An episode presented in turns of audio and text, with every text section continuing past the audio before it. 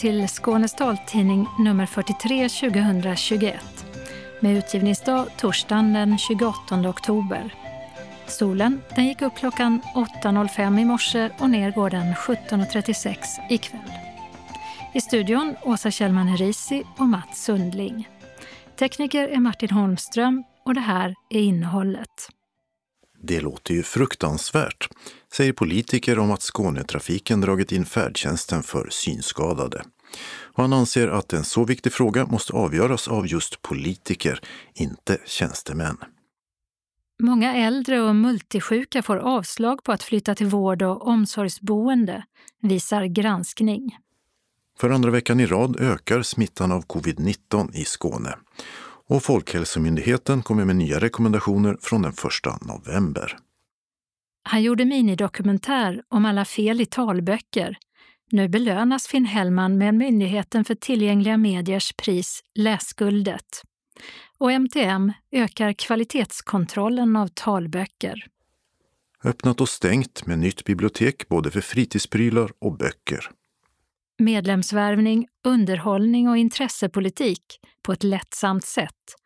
SRF Skåne startar podd. Syntolkade Elvis-imitatörer och dans på kryckor. Snart börjar Dansfunk, Skånes dansteaters festival med funktionsnedsättningstema. Nordic Noir och naturmystik i boktipsen som kommer från Malmö stadsbibliotek. Evenemangstips med Fjärilsvingar och Kulturvecka kalendern med de dödas dag och vikingavecka. Anslagstavlan med regionala och lokala meddelanden och inbjudningar samt ändringar i kollektivtrafiken. Och sist redaktionsrutan. Ska gravt synskadade bli av med färdtjänsten? Ja, häromveckan berättade vi om paret Reine och Mia Gunnarsson i Bromölla som blev av med den efter nästan 30 år.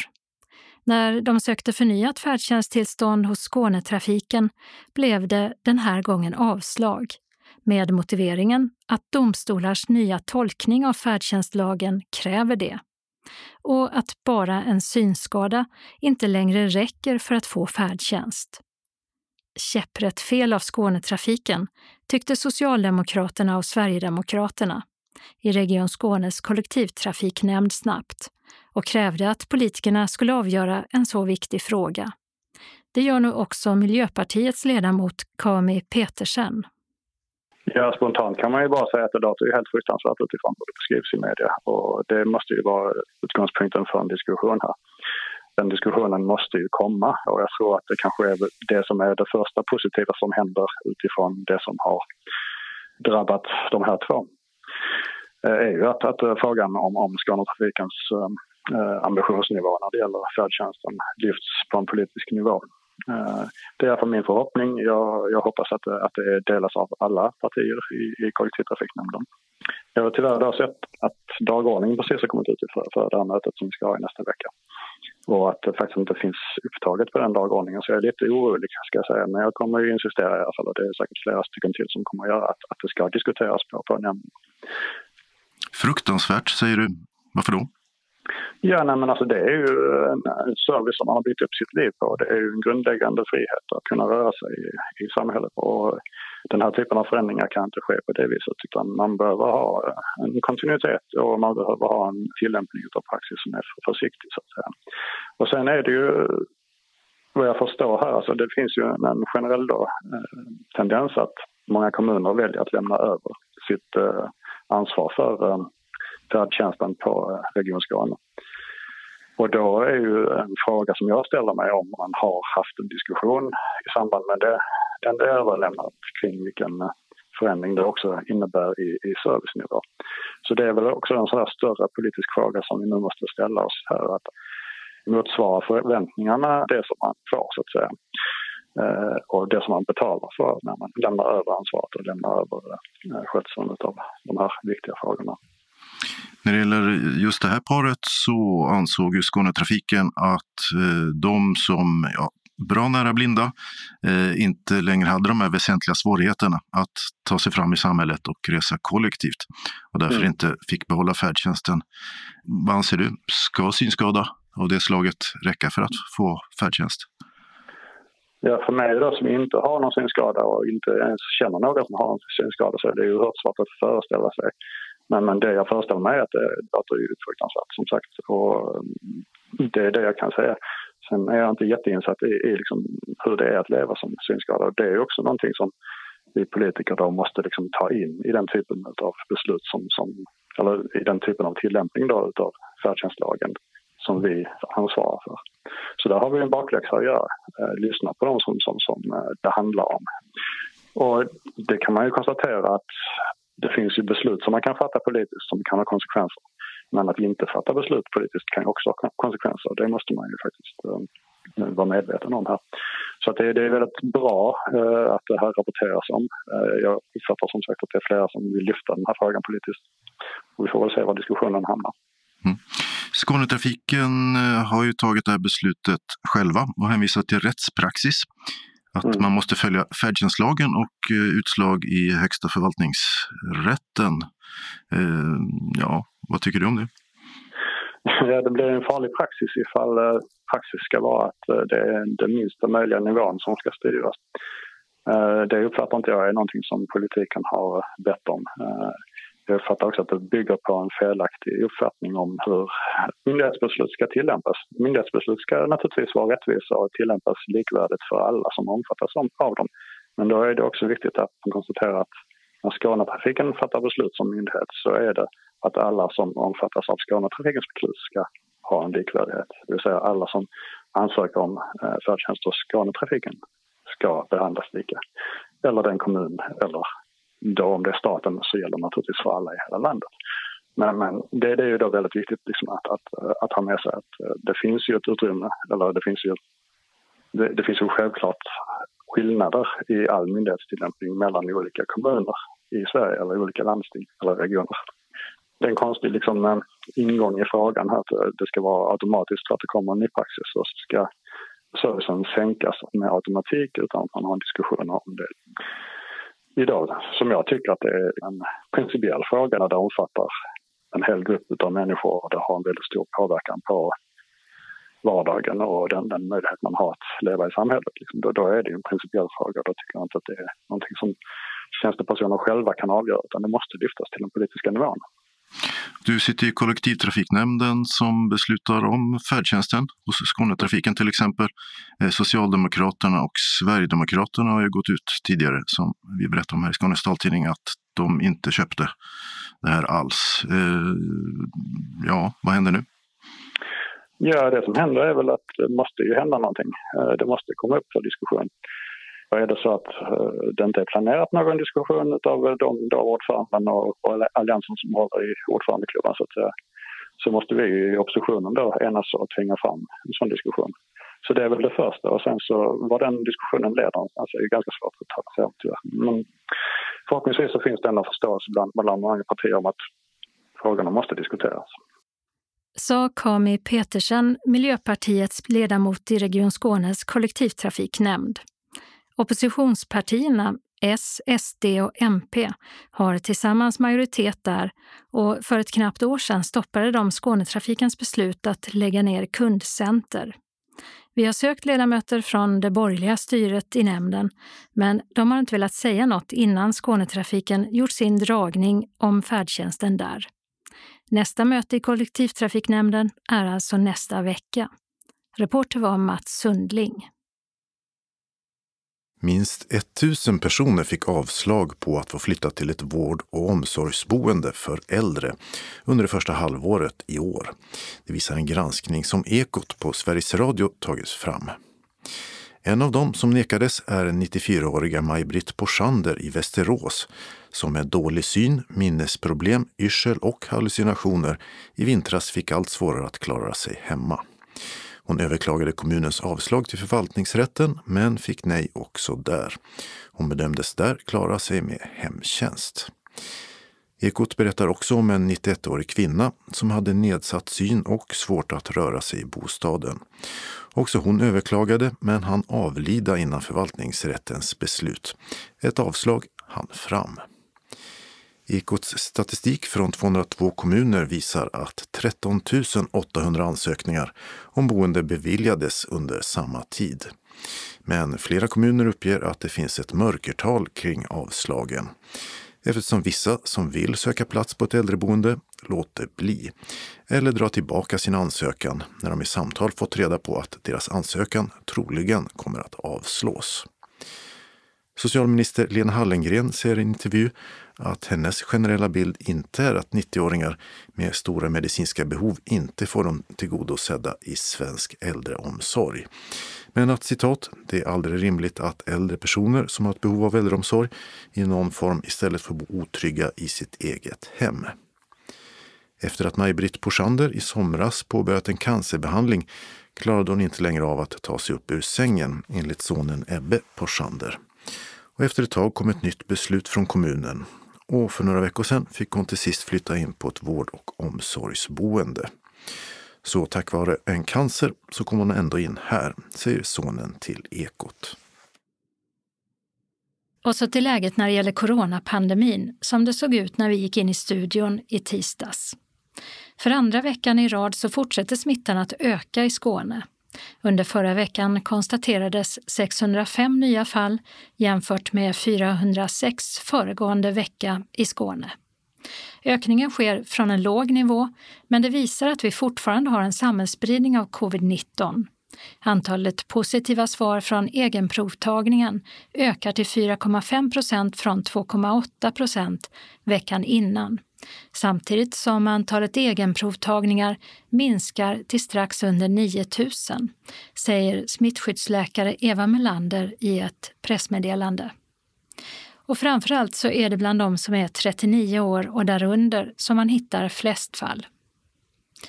Och så kommer Folkhälsomyndigheten med nya rekommendationer från den 1 november om vad som gäller vid symptom på luftvägsinfektion. Och rekommendationerna till barn i förskoleåldern samt till alla fullvaccinerade och de som haft bekräftad covid-19 det senaste halvåret är de bör stanna hemma om de har symptom som kan vara tecken på luftvägsinfektion som till exempel halsont, feber, hosta och sjukdomskänsla. Och de behöver som regel inte testa sig för covid-19. De som stannat hemma kan komma tillbaka till förskola, skola, arbete och fritidsaktiviteter när de varit feberfria ett dygn och känner sig friska, även om de fortfarande har vissa luftvägssymptom. Rekommendationer till alla vuxna, unga och barn från förskoleklass och äldre som inte är fullvaccinerade. De bör stanna hemma om de har symptom som kan vara tecken på luftvägsinfektion och de bör testa sig för covid-19 så snart som möjligt. Och de som är ovaccinerade och testat negativt för covid-19 kan komma tillbaka till förskola, skola, arbete eller fritidsaktiviteter om de varit feberfria ett dygn och känner sig friska, även om de fortfarande har vissa luftvägssymptom. De som testat positivt för covid-19 ska stanna hemma och följa förhållningsreglerna för den som är smittad av covid-19. Och detta har inte ändrats den 1 november. Det kommer också nya rekommendationer från 1 november om testning. Och den som rekommenderas testning det är alla barn från förskoleklass och äldre, ungdomar och vuxna som inte är fullvaccinerade eller haft bekräftad covid-19 det senaste halvåret och har symptom som kan vara tecken på covid-19. Och ovaccinerade personer rekommenderas även fortsatt testning efter resa till land utanför Norden, även om de inte har haft några symptom. Och de som haft bekräftad covid-19 under det senaste halvåret samt barn under sex års ålder undantas. I våras gjorde Finn Hellman en minidokumentär om fel i talböcker som fick stor spridning. Felen bestod av allt från snarkningar till felaktigt uttal från inläsaren. Exemplen hade han själv hittat, men också andra talboksläsare. I förra veckan kom beskedet att han tilldelas priset Läsguldet för 2021 från myndigheten som har ansvar för just talböcker, alltså Myndigheten för tillgängliga medier, MTM. Finn Hellman är glad men inte helt förvånad. Jag blev väldigt glad. Blev du förvånad?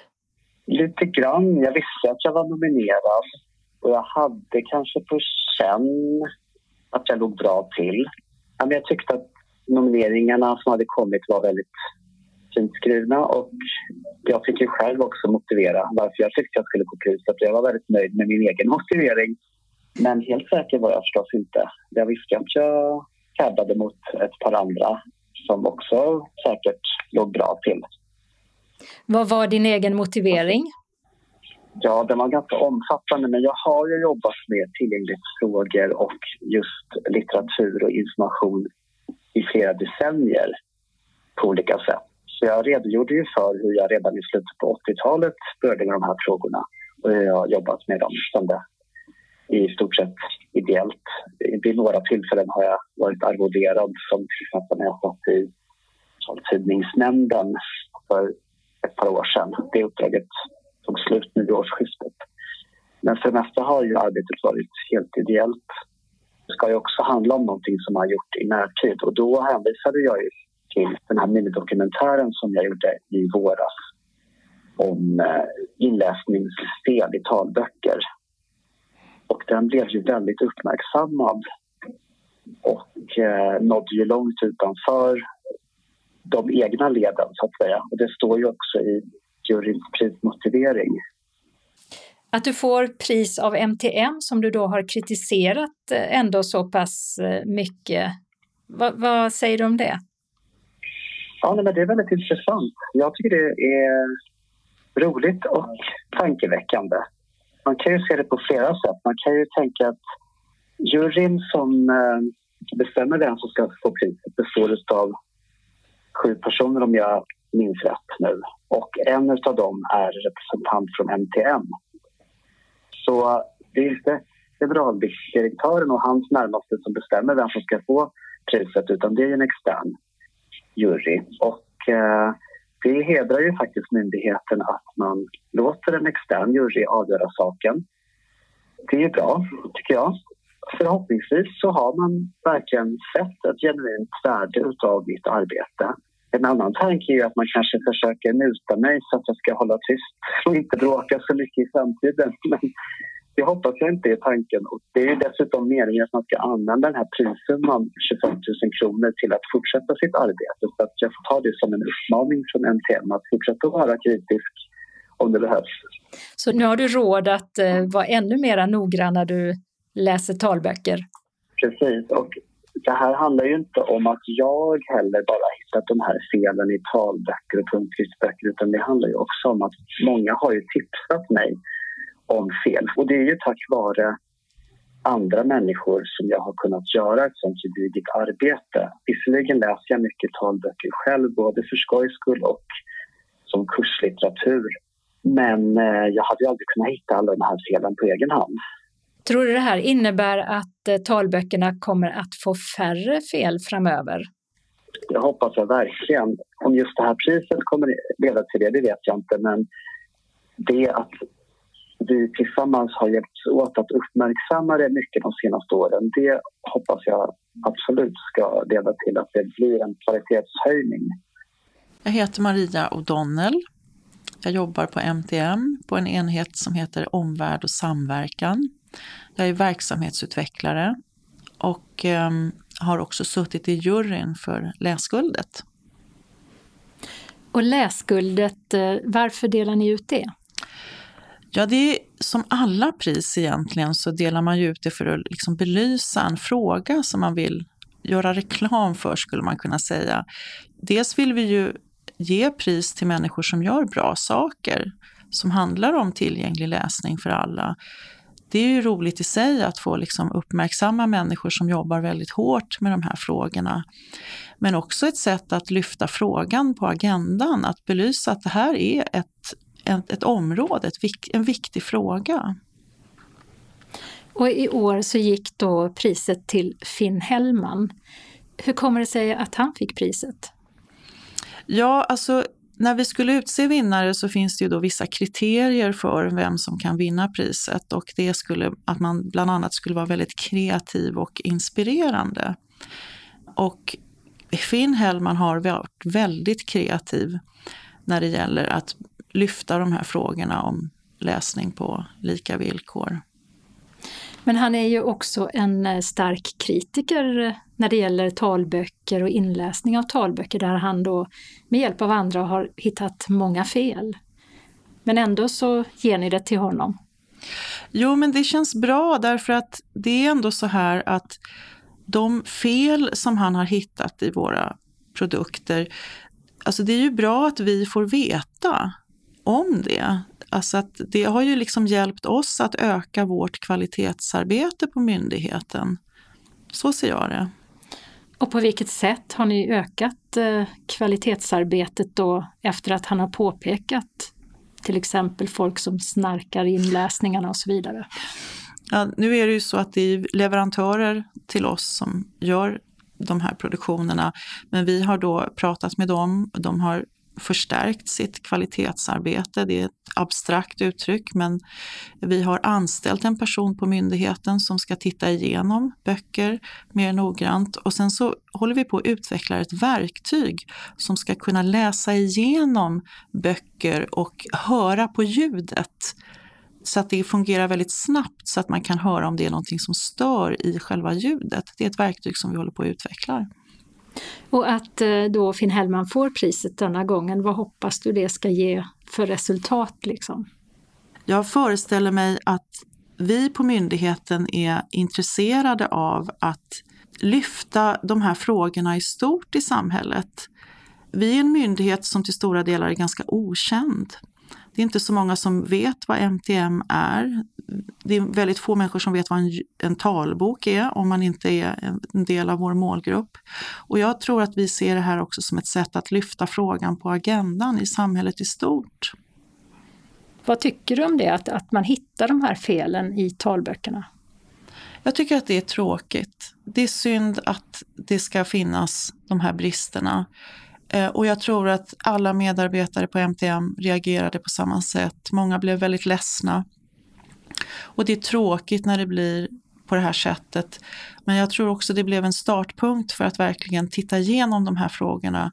Det är alltid så när man belyser brister att jaha, då blev vi uppmärksammade på det. Det här ska vi arbeta med och det gör vi väldigt mycket nu. Det sa Maria O'Donnell som är MTMs representant i juryn för Läsguldet och den valideringsfunktion för talböcker som håller på att utvecklas på MTM kommer att börja användas kring årsskiftet. Då ska nylästa talböcker automatiskt sökas igenom efter oacceptabla avvikelser. Man ska också kunna skanna igenom tidigare producerade böcker för att hitta gamla fel. Detta ersätter inte den manuella korrekturläsningen uppger man från MTM. Reporter var Åsa Kjellman, Erisi öppnat och stängt. I Svedala har ett nytt bibliotek öppnat på Storgatan 30. Tidigare låg biblioteket i det gamla postkontoret, men nu har ett nytt bibliotek invigts efter att orten varit utan bibliotek i en dryg månad. I Simrishamn har det privata vårdbolaget Vaccinova öppnat en vaccinmottagning som har öppet helgfria torsdagar mellan 13 till 17. Här kan man vaccinera sig mot till exempel TBE, bältros och säsongsinfluensa. Men inte covidvaccin. Det går att boka tid, men erbjuds också drop-in i mån av plats. Adressen är Stora Rådmansgatan 5. I Skurup öppnar matvarukedjan Willys nya butik på Skurups handelsplats med adress Korrehusgatan 12, idag torsdag. I Ystad har nattklubben Lite mer på Björnstjärnegatan 6 öppnat igen efter att ha hållit stängt sedan i mars förra året på grund av pandemin. Nattklubben är öppen för de som fyller 20 år i år eller äldre lördagar 23 till 03. I Lund har den turkiska restaurangen Chili Barbecue öppnat restaurang och café på Barngatan 3 vid Centralstationen. Tidigare låg Sibylla i lokalen. Och i Sjöbo har fritidsbiblioteket öppnat på Verkstadsgatan 8. Här kan man låna gratis men också lämna in allt som har med fritid att göra, till exempel gångstavar, sällskapsspel och tält. Öppettiderna är måndagar mellan 15 till 18 och fredagar 10 till 13. Och på återvinningscentralen i Sjöbo finns också ett kärl märkt med fritidsbiblioteket där man kan lämna in fritidsföremål som man inte längre använder. Medlemsvärvning, underhållning och intressepolitik på ett lättsamt sätt. Så beskriver närradioveteranen och synskadeaktivisten Jonny Ekström SRF Skånes nya podd som har premiär denna vecka. Initiativet kommer från Jonny själv och han får börja med att berätta vad podden heter. Ur vår synvinkel. Eh, jag kom på den när vi snackade så mycket James Bond-filmer här. Eh, den nya James Bond-filmen kom ju upp och eh, då kom jag att tänka på att det fanns en Bond-film som heter Ur dödlig synvinkel. Och då tänkte jag, jaha, det kan vi inte kalla den, men ur vår synvinkel kan man kalla den. Och vad lägger du in i det? Ja, att det är vi som själva som är synskadade som gör någonting och vinklar det på vårat sätt. Betyder det att det är i motsats till de eh, röster som hörs i samhället i övrigt? Ja, nej egentligen inte utan vi vill att det är våra röster och våra, våra synpunkter som ska höras i podden så att säga. Vi ska inte konkurrera med Skånes taltidning men eh, vi ska försöka nå ut till eh, medlemmar och icke-medlemmar. Det är ju så att de flesta föreningar tappar ju medlemmar och det gör ju vi också. Så att det här vore kanske ett sätt att få eh, folk att få upp ögonen för SRF Skåne. Och vad är det ni tänker sända? Det blir lite av varje. Vi kommer att försöka göra ett lite lättare podd, inte så tung och inte så mycket intressepolitik. Men det kommer att bli det också. Men till exempel det första numret kommer ju att handla en del om användbara appar som man kan använda i sin smarta telefon. Och dessutom kommer vi att prata om eh, den här Google Nest, den smarta högtalaren. Som kan vara användbar för synskadade eftersom man styr mycket med rösten där. Och det kommer att bli en tävling och det kommer att bli matrecept och lite snack om, om våra arbetsgrupper och sådär. Så det kommer att bli lite blandat. Är det alltså centralt SRF Skåne eller är det i samarbete med lokalavdelningen? Vi kommer att blanda in lokala föreningarna också så att eh, i framtiden kommer vi ju att ringa upp eh, någon lokalförening som har något skoj på gång, så någon aktivitet. Så då kommer vi att eh, ringa upp dem och intervjua dem helt enkelt om vad de sysslar med. Vem är ni som ska göra det? Det är jag då som är chefredaktör, eller bara redaktör kan vi väl säga. Men eh, sen är det ju då eh, Henrik Eldoff som är ombudsman och kunnig inom de olika eh, intressepolitiska områdena. Och så har vi ju då Anna Balter som har koll på det mesta. Och sen ska vi också då plocka in eh, folk från lokalföreningarna och allt möjligt som, där det händer saker och ting helt enkelt. Och eh, vi ska säga att vi sitter just nu i eh, radiomiljö i Ystad, din eh, arbetsplats. Men det är inte här du ska göra det. Nej, vi har gjort det på kansliet nu. Vi har redan spelat in men det ska klippas och redigeras lite. Men eh, vi spelar in på kansliet i Hör. Och där finns en studio? Ja, vi sökte ju pengar till eh, att kunna köpa in en sån här liten mixer som är speciellt eh, gjord för eh, podcast och eh, mikrofoner och, och, sladdar och allting sånt där. Så det fick vi ju beviljat från eh, Riks då, eh, SRF Riks. Så vi har ju fått pengar till det, utrustningen. Så det, det har blivit alldeles utmärkt. Och hur ofta ska man kunna ta del av er? Till att börja med eh, så vill jag inte belasta mig själv alldeles för mycket eftersom jag jobbar 100% också och sitter med i både lokalföreningen och distriktsstyrelsen så att jag har rätt mycket att göra. Så att en gång i månaden och vi har planerat då att den ska komma ut sista torsdagen i varje månad. Och uh, hur lång? Ja, risken är att det kanske blir för långt men uh, jag tror att första programmet kommer i alla fall vara ungefär 45 minuter. Du har lång radiovana. Vad tar du med dig in i eh, den här podden med din bakgrund? Kanske lite grann om vad folk kanske vill höra och att det ska vara lite lättsamt, att det inte ska vara för tungt utan det ska vara lite, kanske man kommer med någon liten historia eller anekdot eller någonting annat det är väl det som, alltså underhållning, det är väl det som jag har sysslat med i större delen av mitt yrkesliv och det är det jag vill eh, förmedla också tror jag. Om du ändå skulle formulera era avsikter i någon slags intressepolitisk riktning, vad blir det då? När någon nämner intressepolitik så stänger ju oftast eh, många öronen. Det, så att det kan bli tungt, men vi vill göra det lite mera begripligt och mera vardagsnära. Till exempel det här med då färdtjänsten som håller på att eh, raseras lite överallt. Ja, Jonny Ekström han nämnde ju tidigare att eh, föreningslivet i stort och även Synskadades riksförbund tappar i medlemsantal. Och där tror han att SRF Skånes podd Ur vår synvinkel kan ha en roll att spela för att vända den trenden. Det eh, är en av mina idéer då, eftersom eh, jag öppnade munnen och sa detta att vi skulle starta en podd. Så att, eh, bland annat då att få med yngre människor också. Det är ju så att vi har ju då unga med synnedsättning och där får man ju vara med tills man är 30. Men sen försvinner de.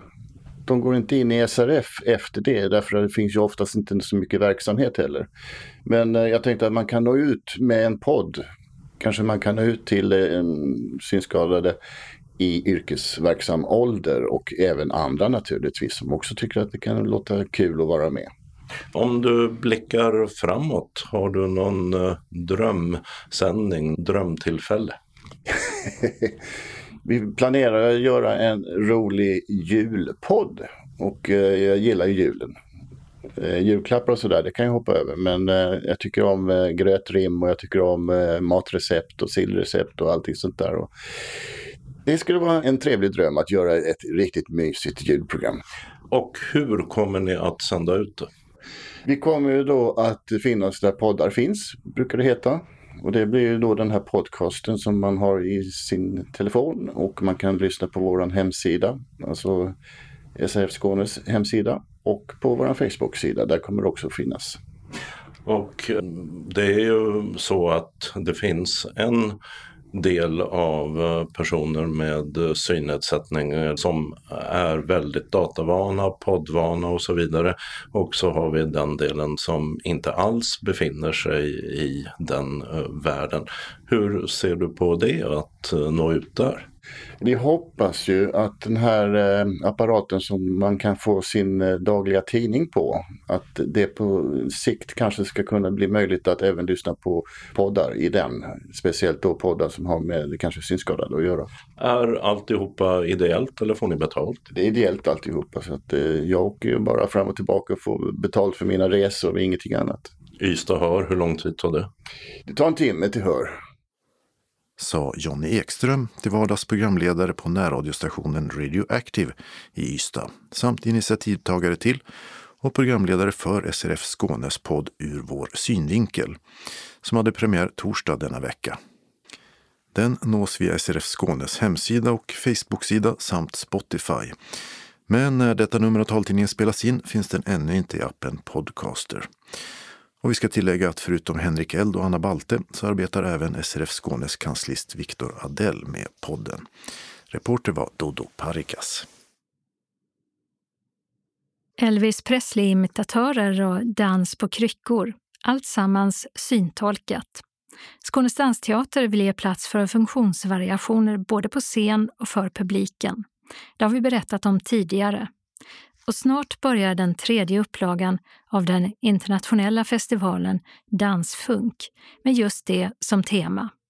Med workshops för alla och två föreställningar som syntolkas. Den första är den 11 november och heter Thank you very much, berättar Dansteaterns Tanja Magalan Nayagam.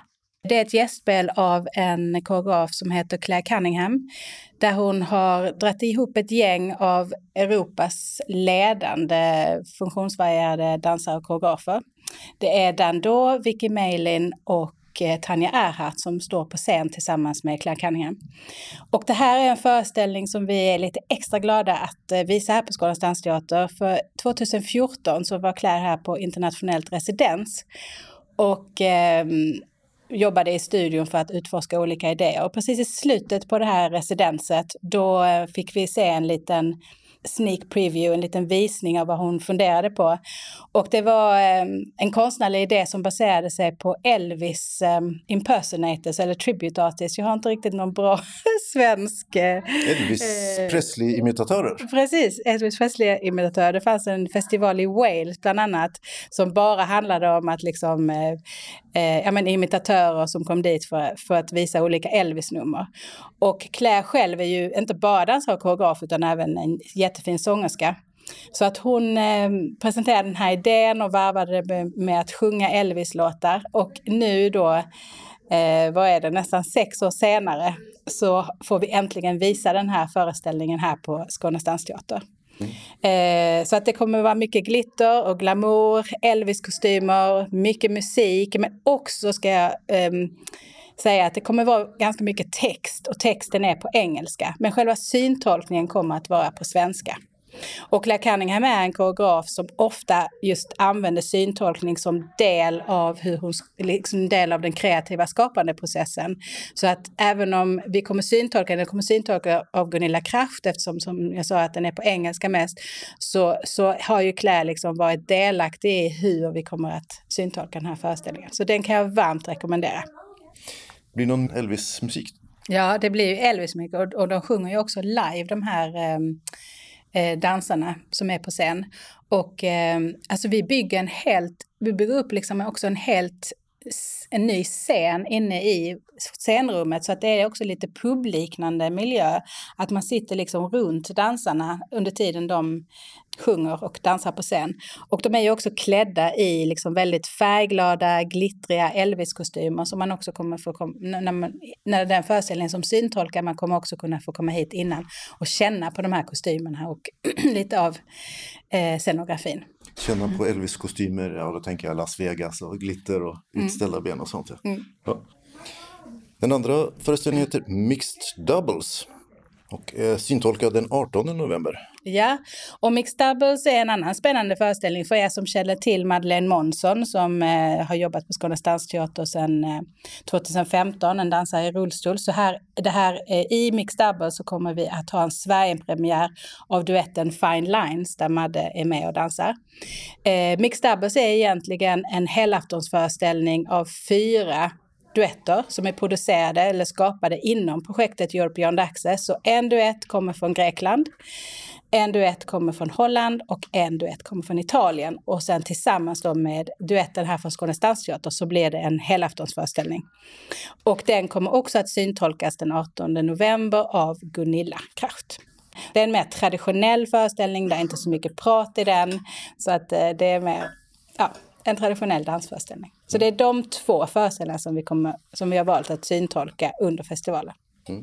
Sen hade ni en workshop där alla, alla är inbjudna, som ni har haft förut, oavsett funktionsvariation och mm. erfarenhet och fysisk form. Det har vi ju alltid. Alla våra workshops är ju alltid för alla, men just eh, kanske under festivalen så har vi den 14 Eh, november, en söndag 11 till 4, då är det just Claire Cunningham som leder en workshop i hur hon har skapat eh, föreställningen Thank you very much och några av de teman bakom. Eh, och eh, Claire är ju en van workshopledare för att leda deltagare med olika funktionsvariationer, så den rekommenderar jag varmt.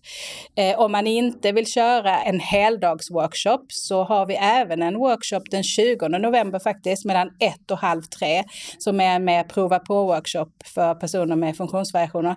Vi har ju, vi har ju liksom workshoppar här ungefär varannan lördag för, som är speciellt riktade för personer med funktionsvariationer om man inte känner sig bekväm att vara med i de andra aktiviteterna som vi har på Skånes dansteater. Så det här är också en möjlighet att testa den workshopen den 20 november. Den mm. heter iDance. Vi har en eh, stor konferens den 18 november där vi har eh, samlat eh, kulturpolitiker, kulturtjänstemän, både från eh, eh, Kulturrådet här i Sverige, men även från eh, italienska kulturdepartementet och Arts Council of England i Storbritannien. Och under den konferensen så kommer även Claire Cunningham att ha en vad hon kallar en performance lecture, där hon både pratar och visar under under liksom sin föreläsning. Och hela den föreläsningen som hon håller som heter Four Legs Good, den är syntolkad i själva utförandet. Så det är liksom inte ett extra lager som läggs på. Det är inte någon annan som syntolkar utan Claire syntolkar hela den här föreläsningen eh, under vägs gång. Och four legs good, då syntolkar jag för mig själva då. Det två ben och två kryckor då kanske som... Precis, jag tror till och med att four legs good kommer från, eh, vad heter den här, djurfarmen. Eh, referens till djurfarmen där de eh, säger two legs bad, four legs good, two legs bad, four legs good. Mm. Mm. Där, och just där hon beskriver sin konstnärliga praktik i förhållande hur hon har använt sina kryckor och hur hon har utvecklat liksom en väldigt specifik eh, dansvokabulär genom att använda kryckor och dans. Mm. Och för nytillkomna läsare, dans, då kanske man föreställer sig, ja, nej, men det är en ballerina som trippar omkring på tåspetsar och det är elitidrottare som står på en scen. Eh, men ni har, och det är fler som har runt om i Europa, en annan syn på dans. Att det är till för alla sorters kroppar. Mm. Och det är det som eh, ni tar fram här. Att man ska både kunna avnjuta dansen med till exempel en synskada och dessutom vara med och dansa själv. Mm. Mm, och det menar vi ju också i projektet att, att just att um, få en större mångfald av kroppar och identiteter både på scen men också i salongen. Det är ju det som utvecklar dansen som konstform. Det är ju där det, liksom, det kreativa nytänkandet kommer. Det är, liksom, det är eh, superspännande för för hela konstformen faktiskt att få in andra livserfarenheter, folk som har andra kroppsliga, alltså just det här med att liksom ha använt kryckor hela sitt liv, det gör ju en helt annan dimension till det konstnärliga arbetet, hur man utvecklar dansvokabulär, vilka nya impulser som kommer utifrån. Det är ju liksom det som hela projektet bygger på. Det bygger ju på att just genom en större mångfald få en större, ja, en större konstnärlig utveckling helt enkelt. Mm. Är publiken med på det då? Ja, men det tror jag. Alltså, det som vi presenterar här på Skånes dansteater, det är ju samtida dans. Det är ju en samtida dansform och den kommenterar ju samtiden. Eh, det är ju liksom, det är ju det vi jobbar med, att kommentera samtiden genom, genom kroppen helt enkelt. Och då är det ju, hade, är det väldigt konstigt att utesluta vissa kroppar, identiteter, för det blir en väldigt snäv bild av samtiden. Så jag tror att vår publik är helt eh, är med på det. Och det är ju också, vår publik har ju följt med oss på den här resan sedan 2012 där vi hade vår första dansfunk. Så det är ju liksom inget, eh, det är inget nytt vi kommer med. Det är ju liksom en resa som, som har pågått under en väldigt lång tid. Och Madde känner ju många till, Madeleine Månsson till exempel som dansar. Det är många som har följt henne också, både i föreställningen Dead to Wreck, i föreställningen Belonging på Malmö Opera och nu då tillbaka på Skånes Dansteater med Fine Lines. Ja. Och så har vi lite röster från dansare som är färdiga med sin träning, eller klass som ni kallar det för här. Mm. Eh, pandemin och dans, hur, eh, hur kör ni nu egentligen? Jo, men vi, har, vi, vi, vi är igång som vanligt just nu. Alltså egentligen har vi aldrig stoppat. Eh, vi har kört genom hela pandemin. Det är ju mest att eh, vi har ju streamat våra föreställningar under pandemin. Vi hade ju en streamad föreställning som hette Remind Me I'm Not Dead och den var ju också syntolkad, digitalt syntolkad som vi skickade ut till hela Sverige. Så att vi, även om inte vår publik har kunnat komma hit så har ju vi kört under hela pandemin och jobbat med att få ut, vår för, för, liksom få ut dansen på olika sätt. Vi har ju också streamat workshoppar till exempel. Och så. Mm. Men nu kan publiken också komma. Ja, nu kan publiken också komma. Det känns fantastiskt. Det sa Skånes dansteaters Tanja Mangalan Nayagam om festivalen och konferensen Dansfunk 3.0 som de har 11-21 november. Mats Sundling intervjuade henne och detaljerna kring evenemangen kan du höra i evenemangstipsen längre fram i tidningen. Naturen spelar en stor roll i de böcker som ingår i november månads talbokstips som bakgrund till huvudpersonens inre mörker, som norrbottnisk deckarmiljö, som USAs landskap under inbördeskriget eller som en norsk övärld där människor lever och tampas med sitt öde genom årtiondena. Och för en svensk jägare som ser både en varg och sitt liv i vitögat. Allt i en rad sinsemellan mycket olika böcker. Men vi börjar med hur det är på Malmö stadsbibliotek så här en månad efter slopandet av pandemirestriktionerna. Nästan som vanligt berättar talbokstipsarna Anna Falk och Birgitta Lindberg. Birgitta först. Vi har ju återgått ganska så mycket till normalläge kan man väl säga. Det är väl fortfarande lite mindre sittplatser och så än vad det brukar vara.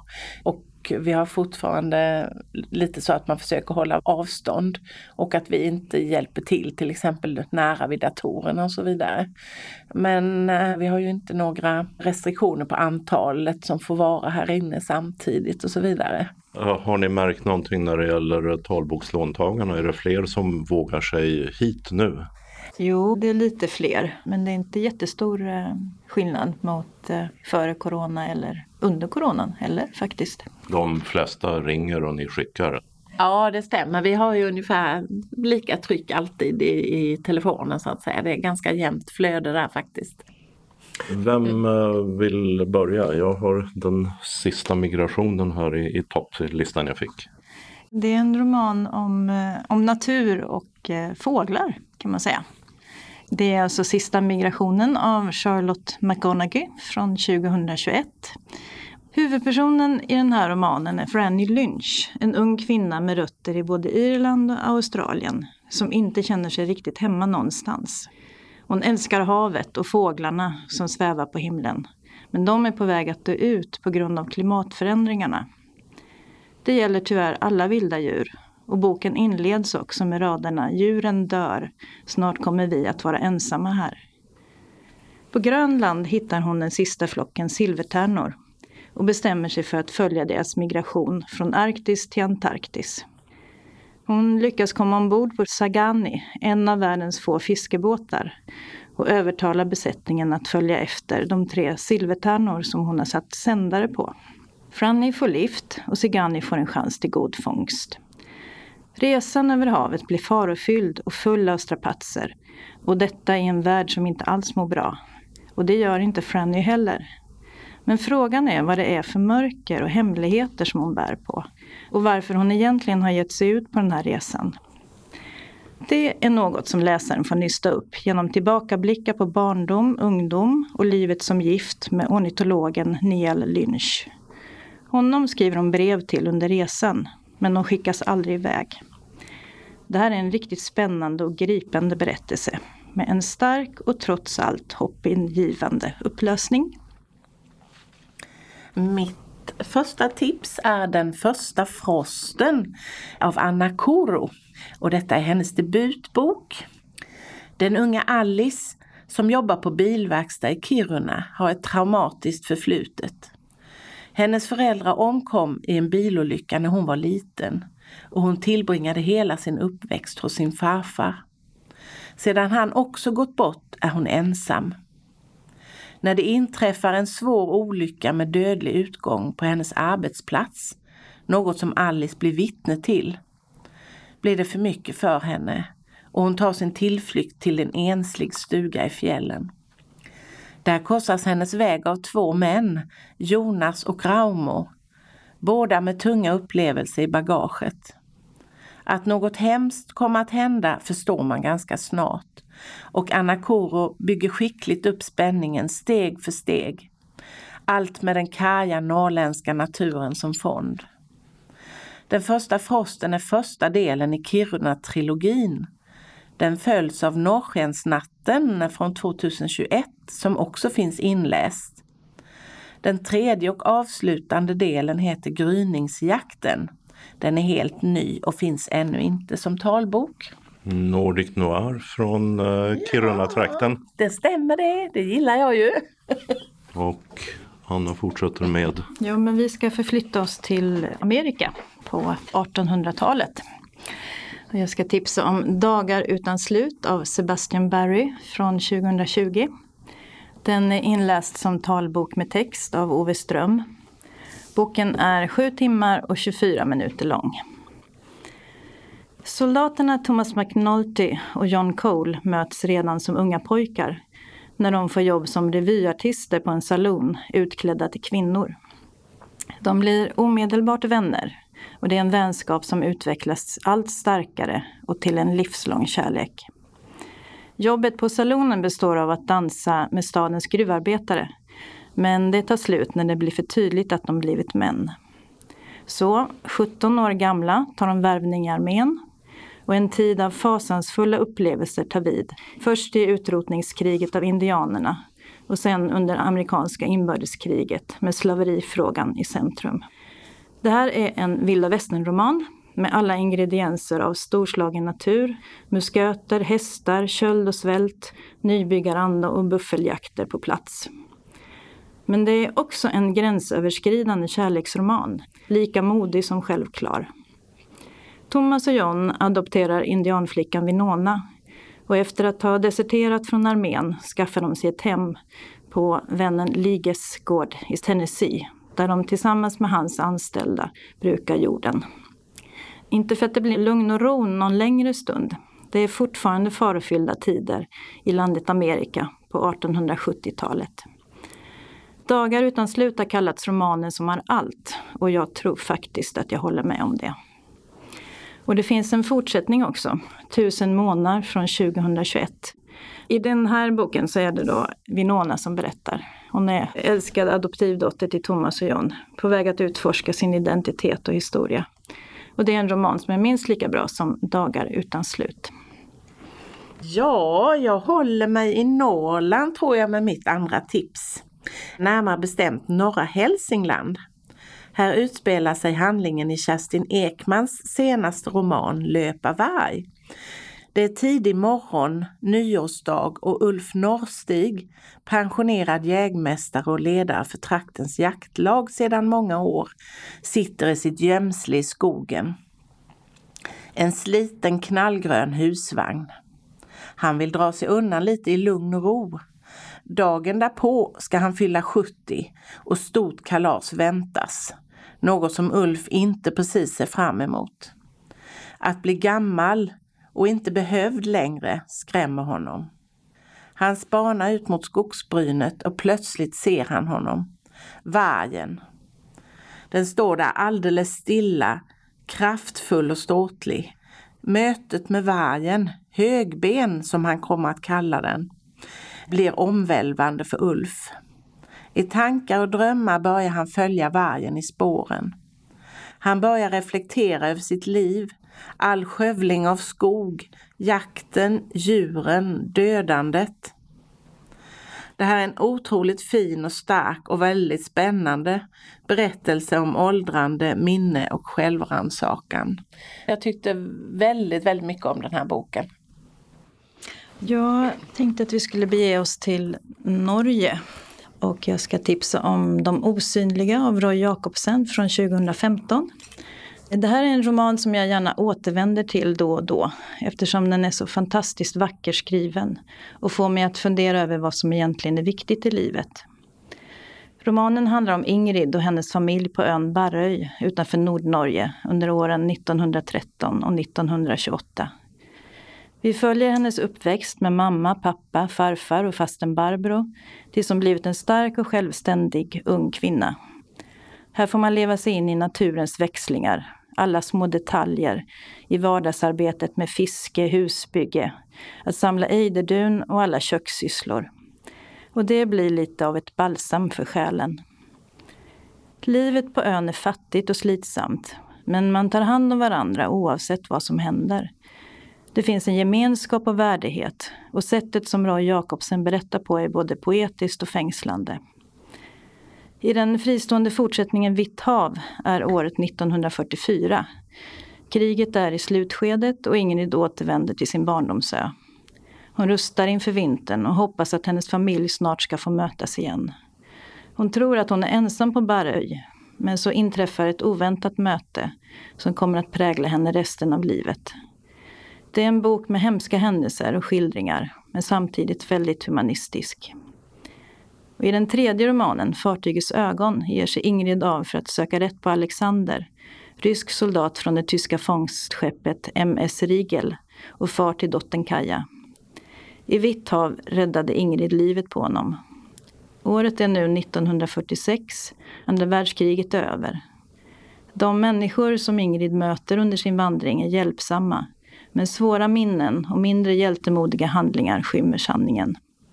Och sen finns det en fjärde del, Bara en mor. Men den är än så länge på norska och inte översatt till svenska. Hade ni talat ihop er om att välja böcker med mycket natur?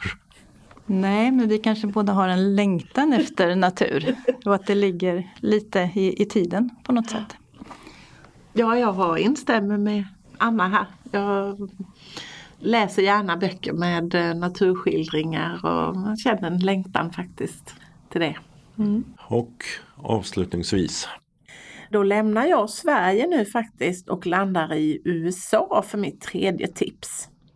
Roman Alams roman Lämna världen bakom dig utkom på engelska 2020 och blev en stor kritiker och publikframgång. Amanda Clay och deras två tonårsbarn lämnar New York för en veckas semester i ett lyxigt ensligt beläget hus de hyrt på Long Island. De ser fram emot en avkopplande vecka fri från vardagens stress och krav. Att så inte blir fallet förstår vi ganska snart. Oroväckande saker som att alla mobiltelefoner slutar fungera, tv-sändningarna upphör är bara början. När husets ägare, ett äldre färgat par, plötsligt dyker upp och begär tillträde till sitt hus ställs allt på sin spets. De har flytt från ett strömlöst New York och nu tvingas de båda familjerna dela huset och förhålla sig till varandra och oron över vad som egentligen har hänt. Detta är en kuslig och spännande roman om vad som kan hända när världen som vi känner den plötsligt inte finns längre. Och när den du trott dig vara, stark, handlingskraftig och fördomsfri, inte är den person du verkligen är när krisen är ett faktum. Jag tyckte väldigt mycket om eh, Knausgårds Morgonstjärnan och det är väl någonting i den stilen, lite så eh, apokalyptiskt så att säga. Den är väldigt kuslig, man får egentligen aldrig riktigt veta vad det är som har hänt. Men man förstår att någonting är väldigt fel och att eh, ja, världen ser helt enkelt inte ut som den har gjort tidigare. Avslutade Birgitta Lindberg som tillsammans med kollegan Anna Falk på Malmö stadsbibliotek hade sammanställt talbokstipsen som innehöll följande titlar. Den sista migrationen av Charlotte McConaughey. Talbok med text, inläser Ylva Törnlund. Längd 10 timmar och 50 minuter. Lämna världen bakom dig av Roman Alam. En talbok med text inläst av Charlie Halldén. Och den är 8 timmar och 48 minuter lång. De osynliga av Roy Jacobsen. Talbok 6 timmar och 50 minuter. Inläsare är Dan Kandell. Vitt hav, också av Roy Jacobsen, 6 timmar och 24 minuter lång och inläsare Magnus Schmitz. Fartygets ögon, också den av Roy Jacobsen med Birgit Örneheft som inläsare. Och det är en talbok med text på 7 timmar och 49 minuter och den finns också i punktskrift. Sen Den första frosten av Anna Kuru. Talbok med text. Inläsare Marie-Therese Sarrazin. 6 timmar och 38 minuter. Norrskensnatten av Anna Kuru är också inläst av Marie-Therese Sarrazin. Längd 6 timmar och 3 minuter. Talbok med text. Löpa varg av Kerstin Ekman. Talbok med text och inläsare Örjan Blixt. Längd 5 timmar och 4 minuter och den finns även i punktskrift. Dagar utan slut av Sebastian Berry. Talbok med text inläst av Lena Lövenborg. 7 timmar och 24 minuter. Och så Tusen månar av Sebastian Berry. Talbok med text, inläsare Lena Lövenborg och 6 timmar och 11 minuter lång är den. Medan reporter var Dodo Parikas. Evenemangstips som börjar med syntolkad dans. Skånes dansteater har som vi kunde höra i ett inslag lite tidigare i tidningen en internationell dansfestival och konferens kallad Dansfunk 3.0 den 11 till 21 november. Här är fler detaljer om de syntolkade evenemangen. Torsdag den 11 november klockan 19 syntolkas gästspelet Thank you very much som har Elvis Presley-tema. Torsdag den 18 november syntolkas Sverigepremiären av Mixed Doubles med start klockan 19. Söndag den 14 november mellan 11 och 16 har man dansworkshopen med Claire Cunningham. Hon har sen alltså också Four Legs Good, en så kallad performance lecture som hon själv syntolkar den 18 november. Och lördag den 20 november klockan 13 till 14.30 har de alltså sin vanliga prova på-workshop iDance som är speciellt för alla med en funktionsvariation. Och till dem är det alltid fritt inträde. Biljetter till de syntolkade dansföreställningarna kostar 100 kronor och ledsagare går med gratis om man uppger koden FUNK med stora bokstäver 100 i siffror. Samling en timme innan för en introduktion.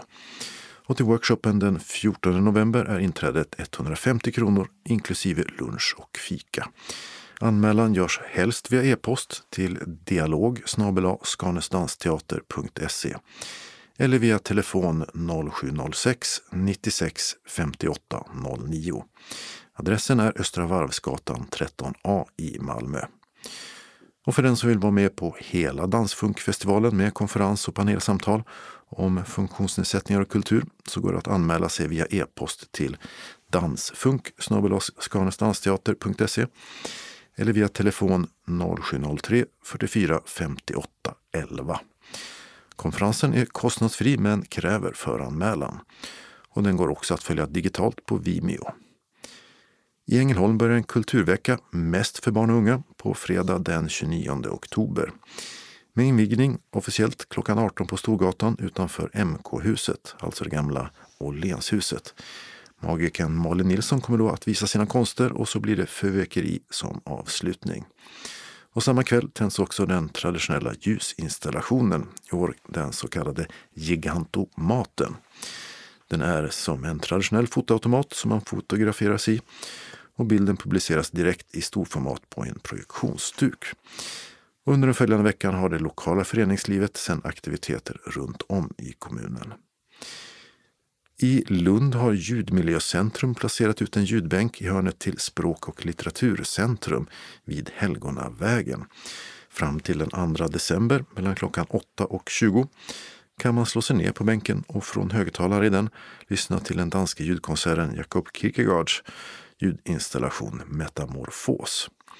Fjärilens vingar är temat för ljudkonstverket och man kan också höra en röst som på latin viskar fram namnen på utdöda fjärilsarter.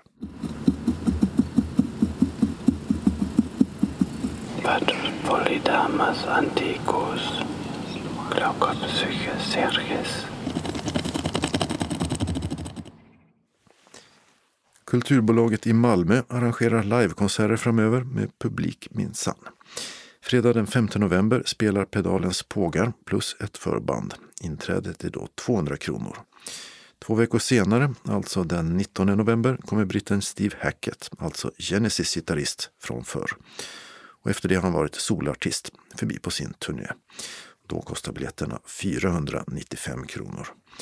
Och lördag den 27 november spelar The Sounds, alltså rockbandet från Helsingborg, plus ett förband för 395 kronor. Biljetter kan förköpas hos Eventim och konserterna börjar allihopa klockan 20. Den eh, skånebördige Skånebördiga rapparen Timbuktu ska ut på en Sverigeturné kallad Drop of Midnight. Söndag den 27 november spelar han på Sparbanken Skånearenan i Lund med start 19.30. Samma klockslag, torsdag och fredag den 2 och 3 december, blir det konsert på Slakthuset i Malmö. Biljetterna kostar mellan 320 och 595 kronor på alla ställena och de kan förköpas hos Ticketmaster. Biljettinformation. Ticketmaster når man på telefon 077 170 70 70. Nortic har 0455 61 97 00. Tixter 0771 47 70 70. Eventim 0771 65 10 00. Visit Lund, som tidigare kallade sig för Biljettbyrån i Lund, har 046 13 14 15 som tidigare. Och gårdshandlaren i Eslöv når man på 0413 588 285. Kalendern för årets 44 vecka börjar med måndag den 1 november. I Köpenhamn börjar då Nordiska rådet en fyra dagars session med 87 parlamentariker på plats för att idka nordiskt samarbete. Högst på dagordningen står vad man kan lära av coronakrisen. Den fick ju som bekant nordiska regeringar att snabbt stänga gränserna och det fria resandet att upphöra. Något som inte minst många svenskar bosatta i Norge fick problem med. Det är också allhelgonadagen och redan de gamla kelterna och germanerna visste att de döda denna tid mellan sommar och vinter ville komma hem och att de behövde vägledning av ljus och eldar. Tisdag den 2 november så firar man de dödas dag i Mexiko. Dia de los Muertos kallad. I dagarna två med att pynta det mesta med dödskallar, äta dödskallegodis och besöka släktens gravar. Klockan sex på kvällen börjar kyrkklockorna ringa för att kalla på de döda och sen fortsätter de med fest, mat och dryck hela natten, precis som när de döda levde. Seden härstammar från förkristen tid och lär ha varit än livligare innan spanjorerna och kristna missionärer kom och la sig i. Här hemma Tobias namnsdag. Onsdag den 3 november är det namnsdag för alla Hubert och Hugo. Och så har det gått 1000 år sedan, året då man sedan förra veckan vet att vikingar byggde hus i Amerika. Närmare bestämt alltså år 1021 i Vinland, eller Newfoundland, där forskarna med en ny metod lyckas fastslå exakt när timret till en bosättning höggs ner. Vikingarna kom, precis som det står i sagorna, från Island och Grönland och var de första européerna i Amerika. Och där träffade de på urbefolkningen som kommit dit tusentals år tidigare från Asien till. Och när det hände, när de träffades alltså, hade mänskligheten för första gången tagit sig runt hela jordklotet. Torsdag den 4 november avgår Stefan Löfven som partiledare för Socialdemokraterna på kongressen som de har i Göteborg. Och finansminister Magdalena Andersson blir som enda kandidat vald till ny partiledare. Löfven är partiets ledare sedan januari 2012 och blir kvar som statsminister tills riksdagen godkänt att Magdalena Andersson blir den nya då, eller i så fall blir hon Sveriges första kvinnliga statsminister. I alla de andra nordiska länderna har man redan som bekant haft kvinnor som regeringschef länge. Namnsdag är det för Sverker. Fredag den 5 november har Eugen och Eugenia namnsdag. Den amerikanska sångaren Art Garfunkel är kanske mest känd för samarbetet i duon Simon Garfunkel som på 60-talet gjorde hittar som Sound of Silence. Nu fyller Garfunkel 80 år. Lördag den 6 november är Gustav Adolfsdagen, numera kanske mest uppmärksammad för en bakelse och en allmän flaggdag. För på dagen 40 år sedan släpptes den sovjetiska ubåten U137 ut på internationellt vatten igen efter 11 dagar på ett grund djupt in i skärgården utanför Karlskrona. Under den tiden hade en smärre armada med sovjetiska skepp samlats och statsminister Torbjörn Fälldin beordrat försvaret att hålla gränsen. Nya ryska uppgifter säger att ett krig var nära den 30 oktober då Sovjetflottan fått order om att gå in och frita ubåten klockan tre på natten. Men aktionen avblåstes med 30 minuter kvar till start. Det är också alla helgons dag i år då alltså, då många går och sköter om sina anhörigas gravar. Att också tända ljus vid dem det var en tradition som i Sverige började vid förra sekelskiftet. Först ut i Sverige ska italienska arbetare vid porslinsfabriken i Gustavsberg varit. Och söndag den 7 november är det logiskt nog söndagen efter alla helgons dag, som det står i almanackan. I Nicaragua är det denna dag både president och parlamentsval, men inget era kommer att gå rätt till. Inför valet har den sittande presidenten Daniel Ortega låtit gripa nästan alla motkandidaterna och andra tvingats dra tillbaka sin kandidatur eller fly landet. Namnsdag här hemma är det för alla som heter Ingegärd och Ingela. Den regionala anslagstavlan börjar med en inbjudan från Synskadades riksförbund i Skåne till representantskapsmöte. Lokalföreningarnas ombud, distriktsstyrelsen, valberedningen, beredningsutskottet samt revisorerna är kallade till SRF Skånes representantskap enligt nedanstående. Platsen är Quality Hotel View, Hyllie i Malmö. Och adressen Hyllie stationstorg 29. Tiden är lördagen den 20 november mellan klockan 10 till 15.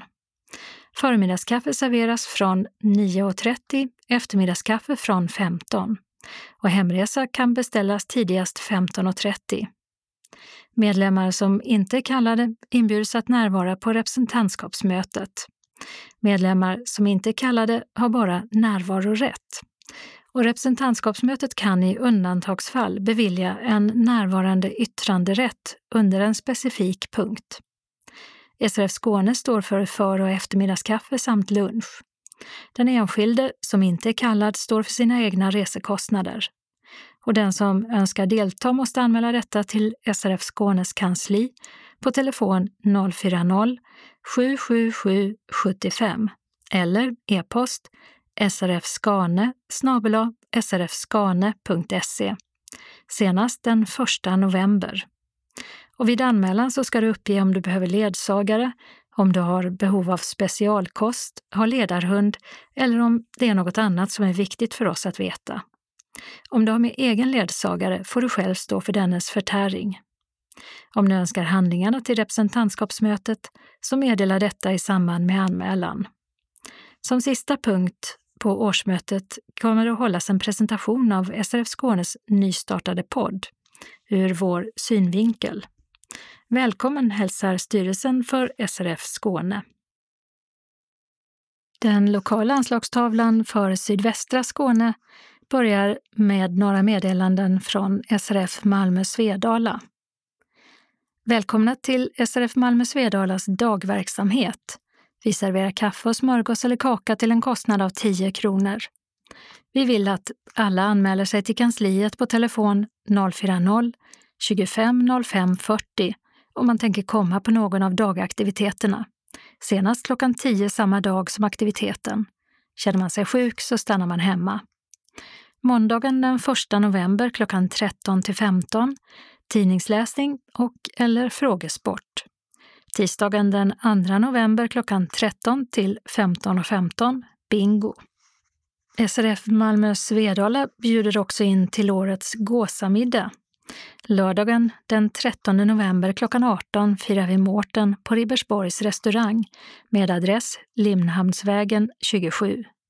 Vi avnjuter en traditionell gåsmiddag med allt vad det innebär och som medlem i föreningen betalar du 250 kronor och för de som inte är medlemmar kostar det 500 kronor.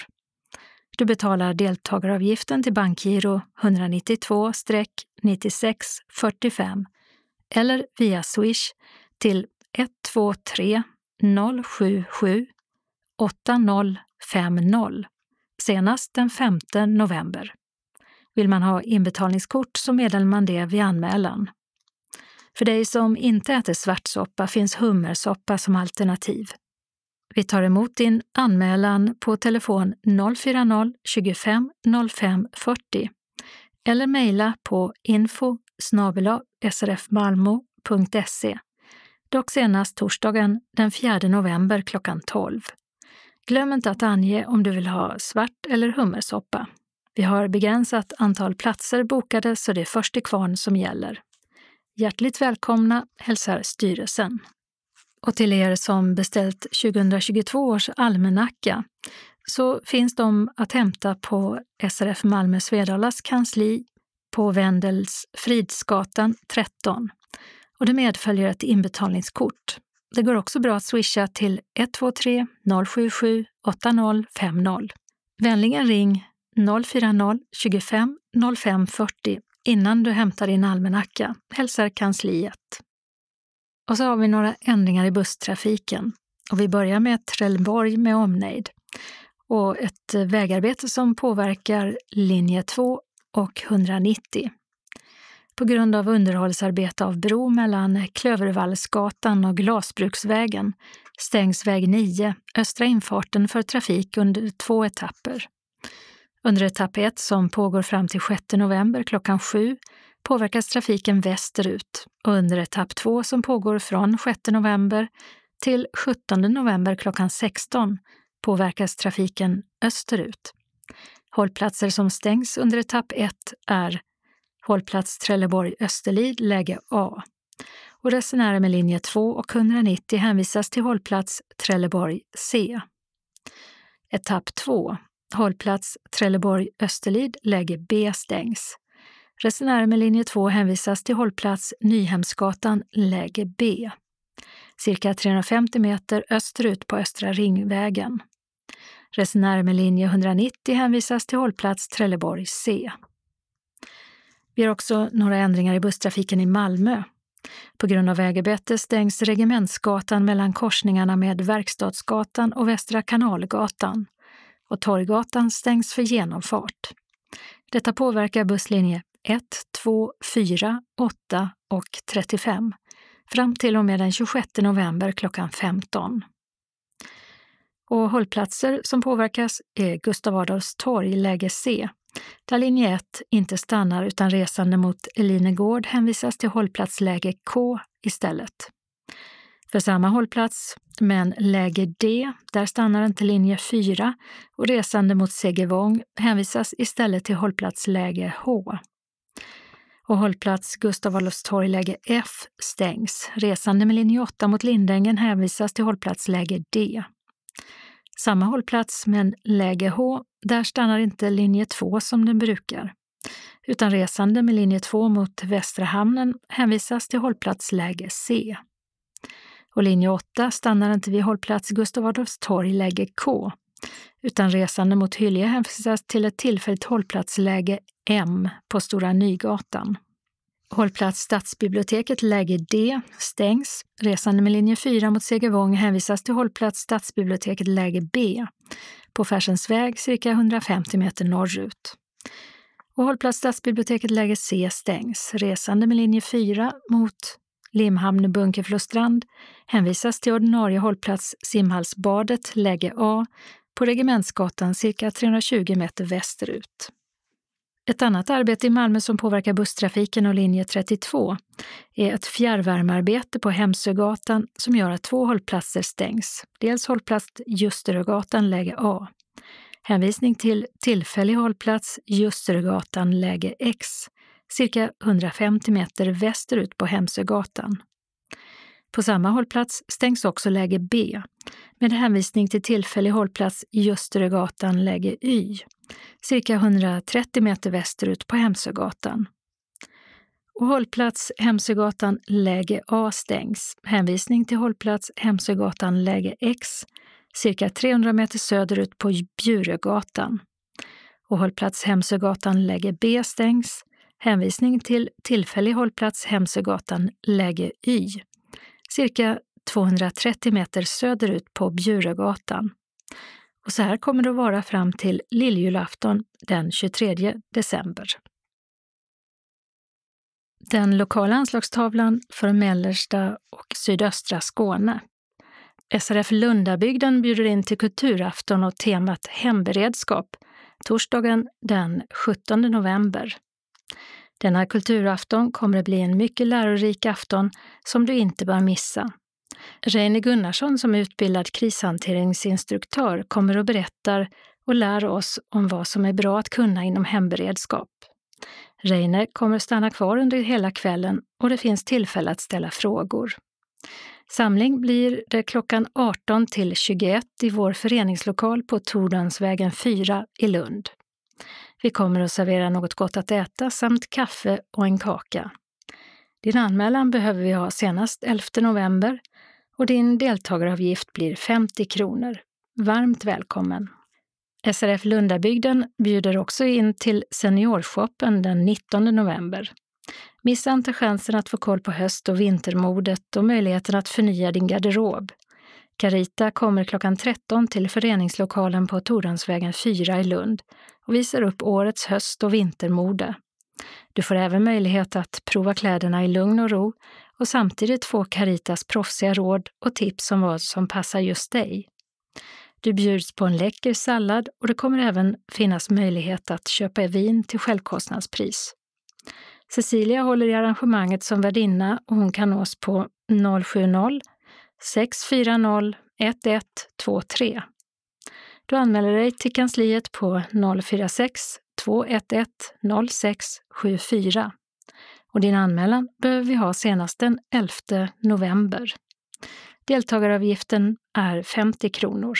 Hjärtligt välkomna till höstens seniorshop. Och SRF Lundabygden bjuder sen in till föreningsmöte och extra årsmöte den 25 november. Det kommer att bli ett av årets viktigaste möten då du har möjlighet att påverka nästa års verksamhet och kostnaden för denna. Vi samlas klockan 18 i föreningslokalen i Lund. Mötet beräknas vara klart klockan 21 och det bjuds på en lättare förtäring och kaffe och en kaka. Handlingarna till föreningsmötet kommer att sändas ut till dig som anmäler dig till föreningsmötet och det extra årsmötet.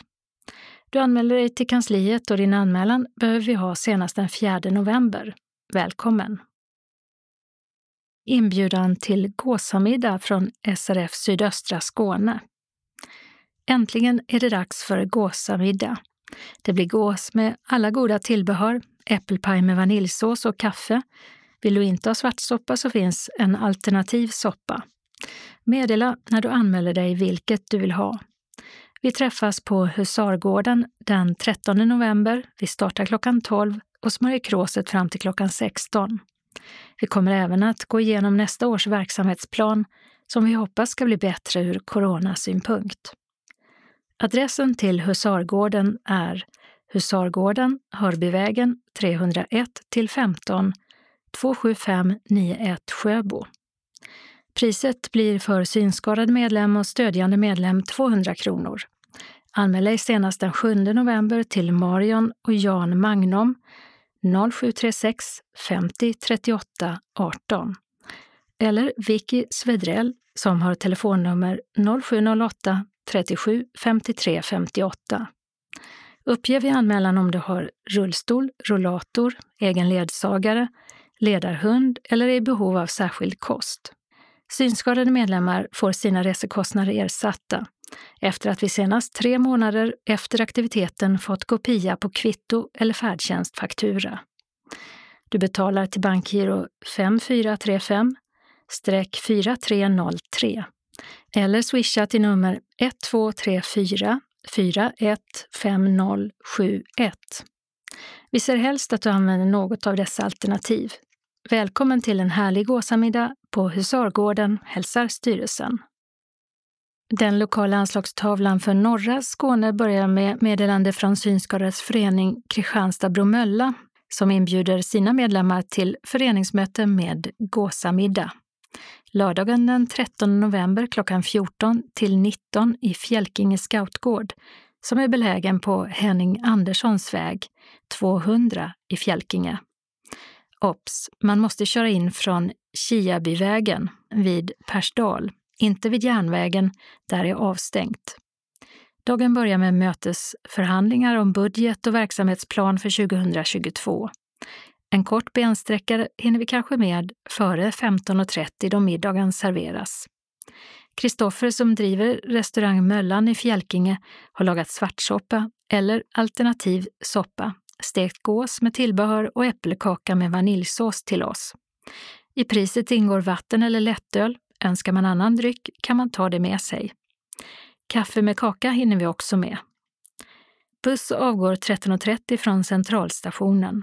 Stannar även vid Sommarlust. Vid tillräckligt många anmälda från Bromölla, det vill säga fem stycken, kommer bussen att utgå därifrån. Tid och plats meddelas senare. Priset för detta är 250 kronor som inbetalas på bankgironummer 899-9245 vid anmälan senast måndagen den 1 november till Tina på telefon 070-635 4114. Anmäl önskemål om resa och vilken typ av soppa som du vill ha, även eventuella matallergier. Varmt välkomna till en god skånsk måltid och vår gemensamma planering för 2022. Meddelanden från SRF Västra Skåne. Onsdagsträffen är onsdagen den 3 november klockan 13 till 15.30 i SRFs lokal på Vaktgatan 3 i Helsingborg. Bingobricka kostar 10 kronor, fikaavgift 30 kronor. Än en gång är det dags för bingo. Meddela om du tänker komma till kansliet senast måndagen den 1 november klockan 12 på telefon 042 15 83 93 eller mejl srf.monica Om du står på fasta listan behöver du bara meddela om du inte kan komma. Välkommen! SRF Västra Skåne har också en inbjudan till vinprovning torsdagen den 18 november klockan 13 till 16 i föreningens lokal Vaktgatan 3 i Helsingborg och deltagaravgiften är 190 kronor. Sista anmälningsdag torsdagen den 4 november klockan 12. Då var det dags för någonting nytt i föreningens lokal. Det blir vinprovning med tillbehör. Antalet platser är begränsat till 30 personer. Endast sju platser är kvar. Anmäl dig till kansliet på telefon eller via mejl senast torsdagen den 4 november klockan 12. Välkommen! Det var allt för Skånes taltidning för den här gången. Nästa nummer kommer ut torsdagen den 4 november. Skånes taltidning ges ut av Region Skånes psykiatri och habiliteringsförvaltning. Ansvarig utgivare är Martin Holmström. Postadress Jörgen Ankersgatan 12, 211 45 Malmö. Telefon 040-673 0970. E-post Skanes taltidning snabela skane.se och hemsida skanestaltidning.se.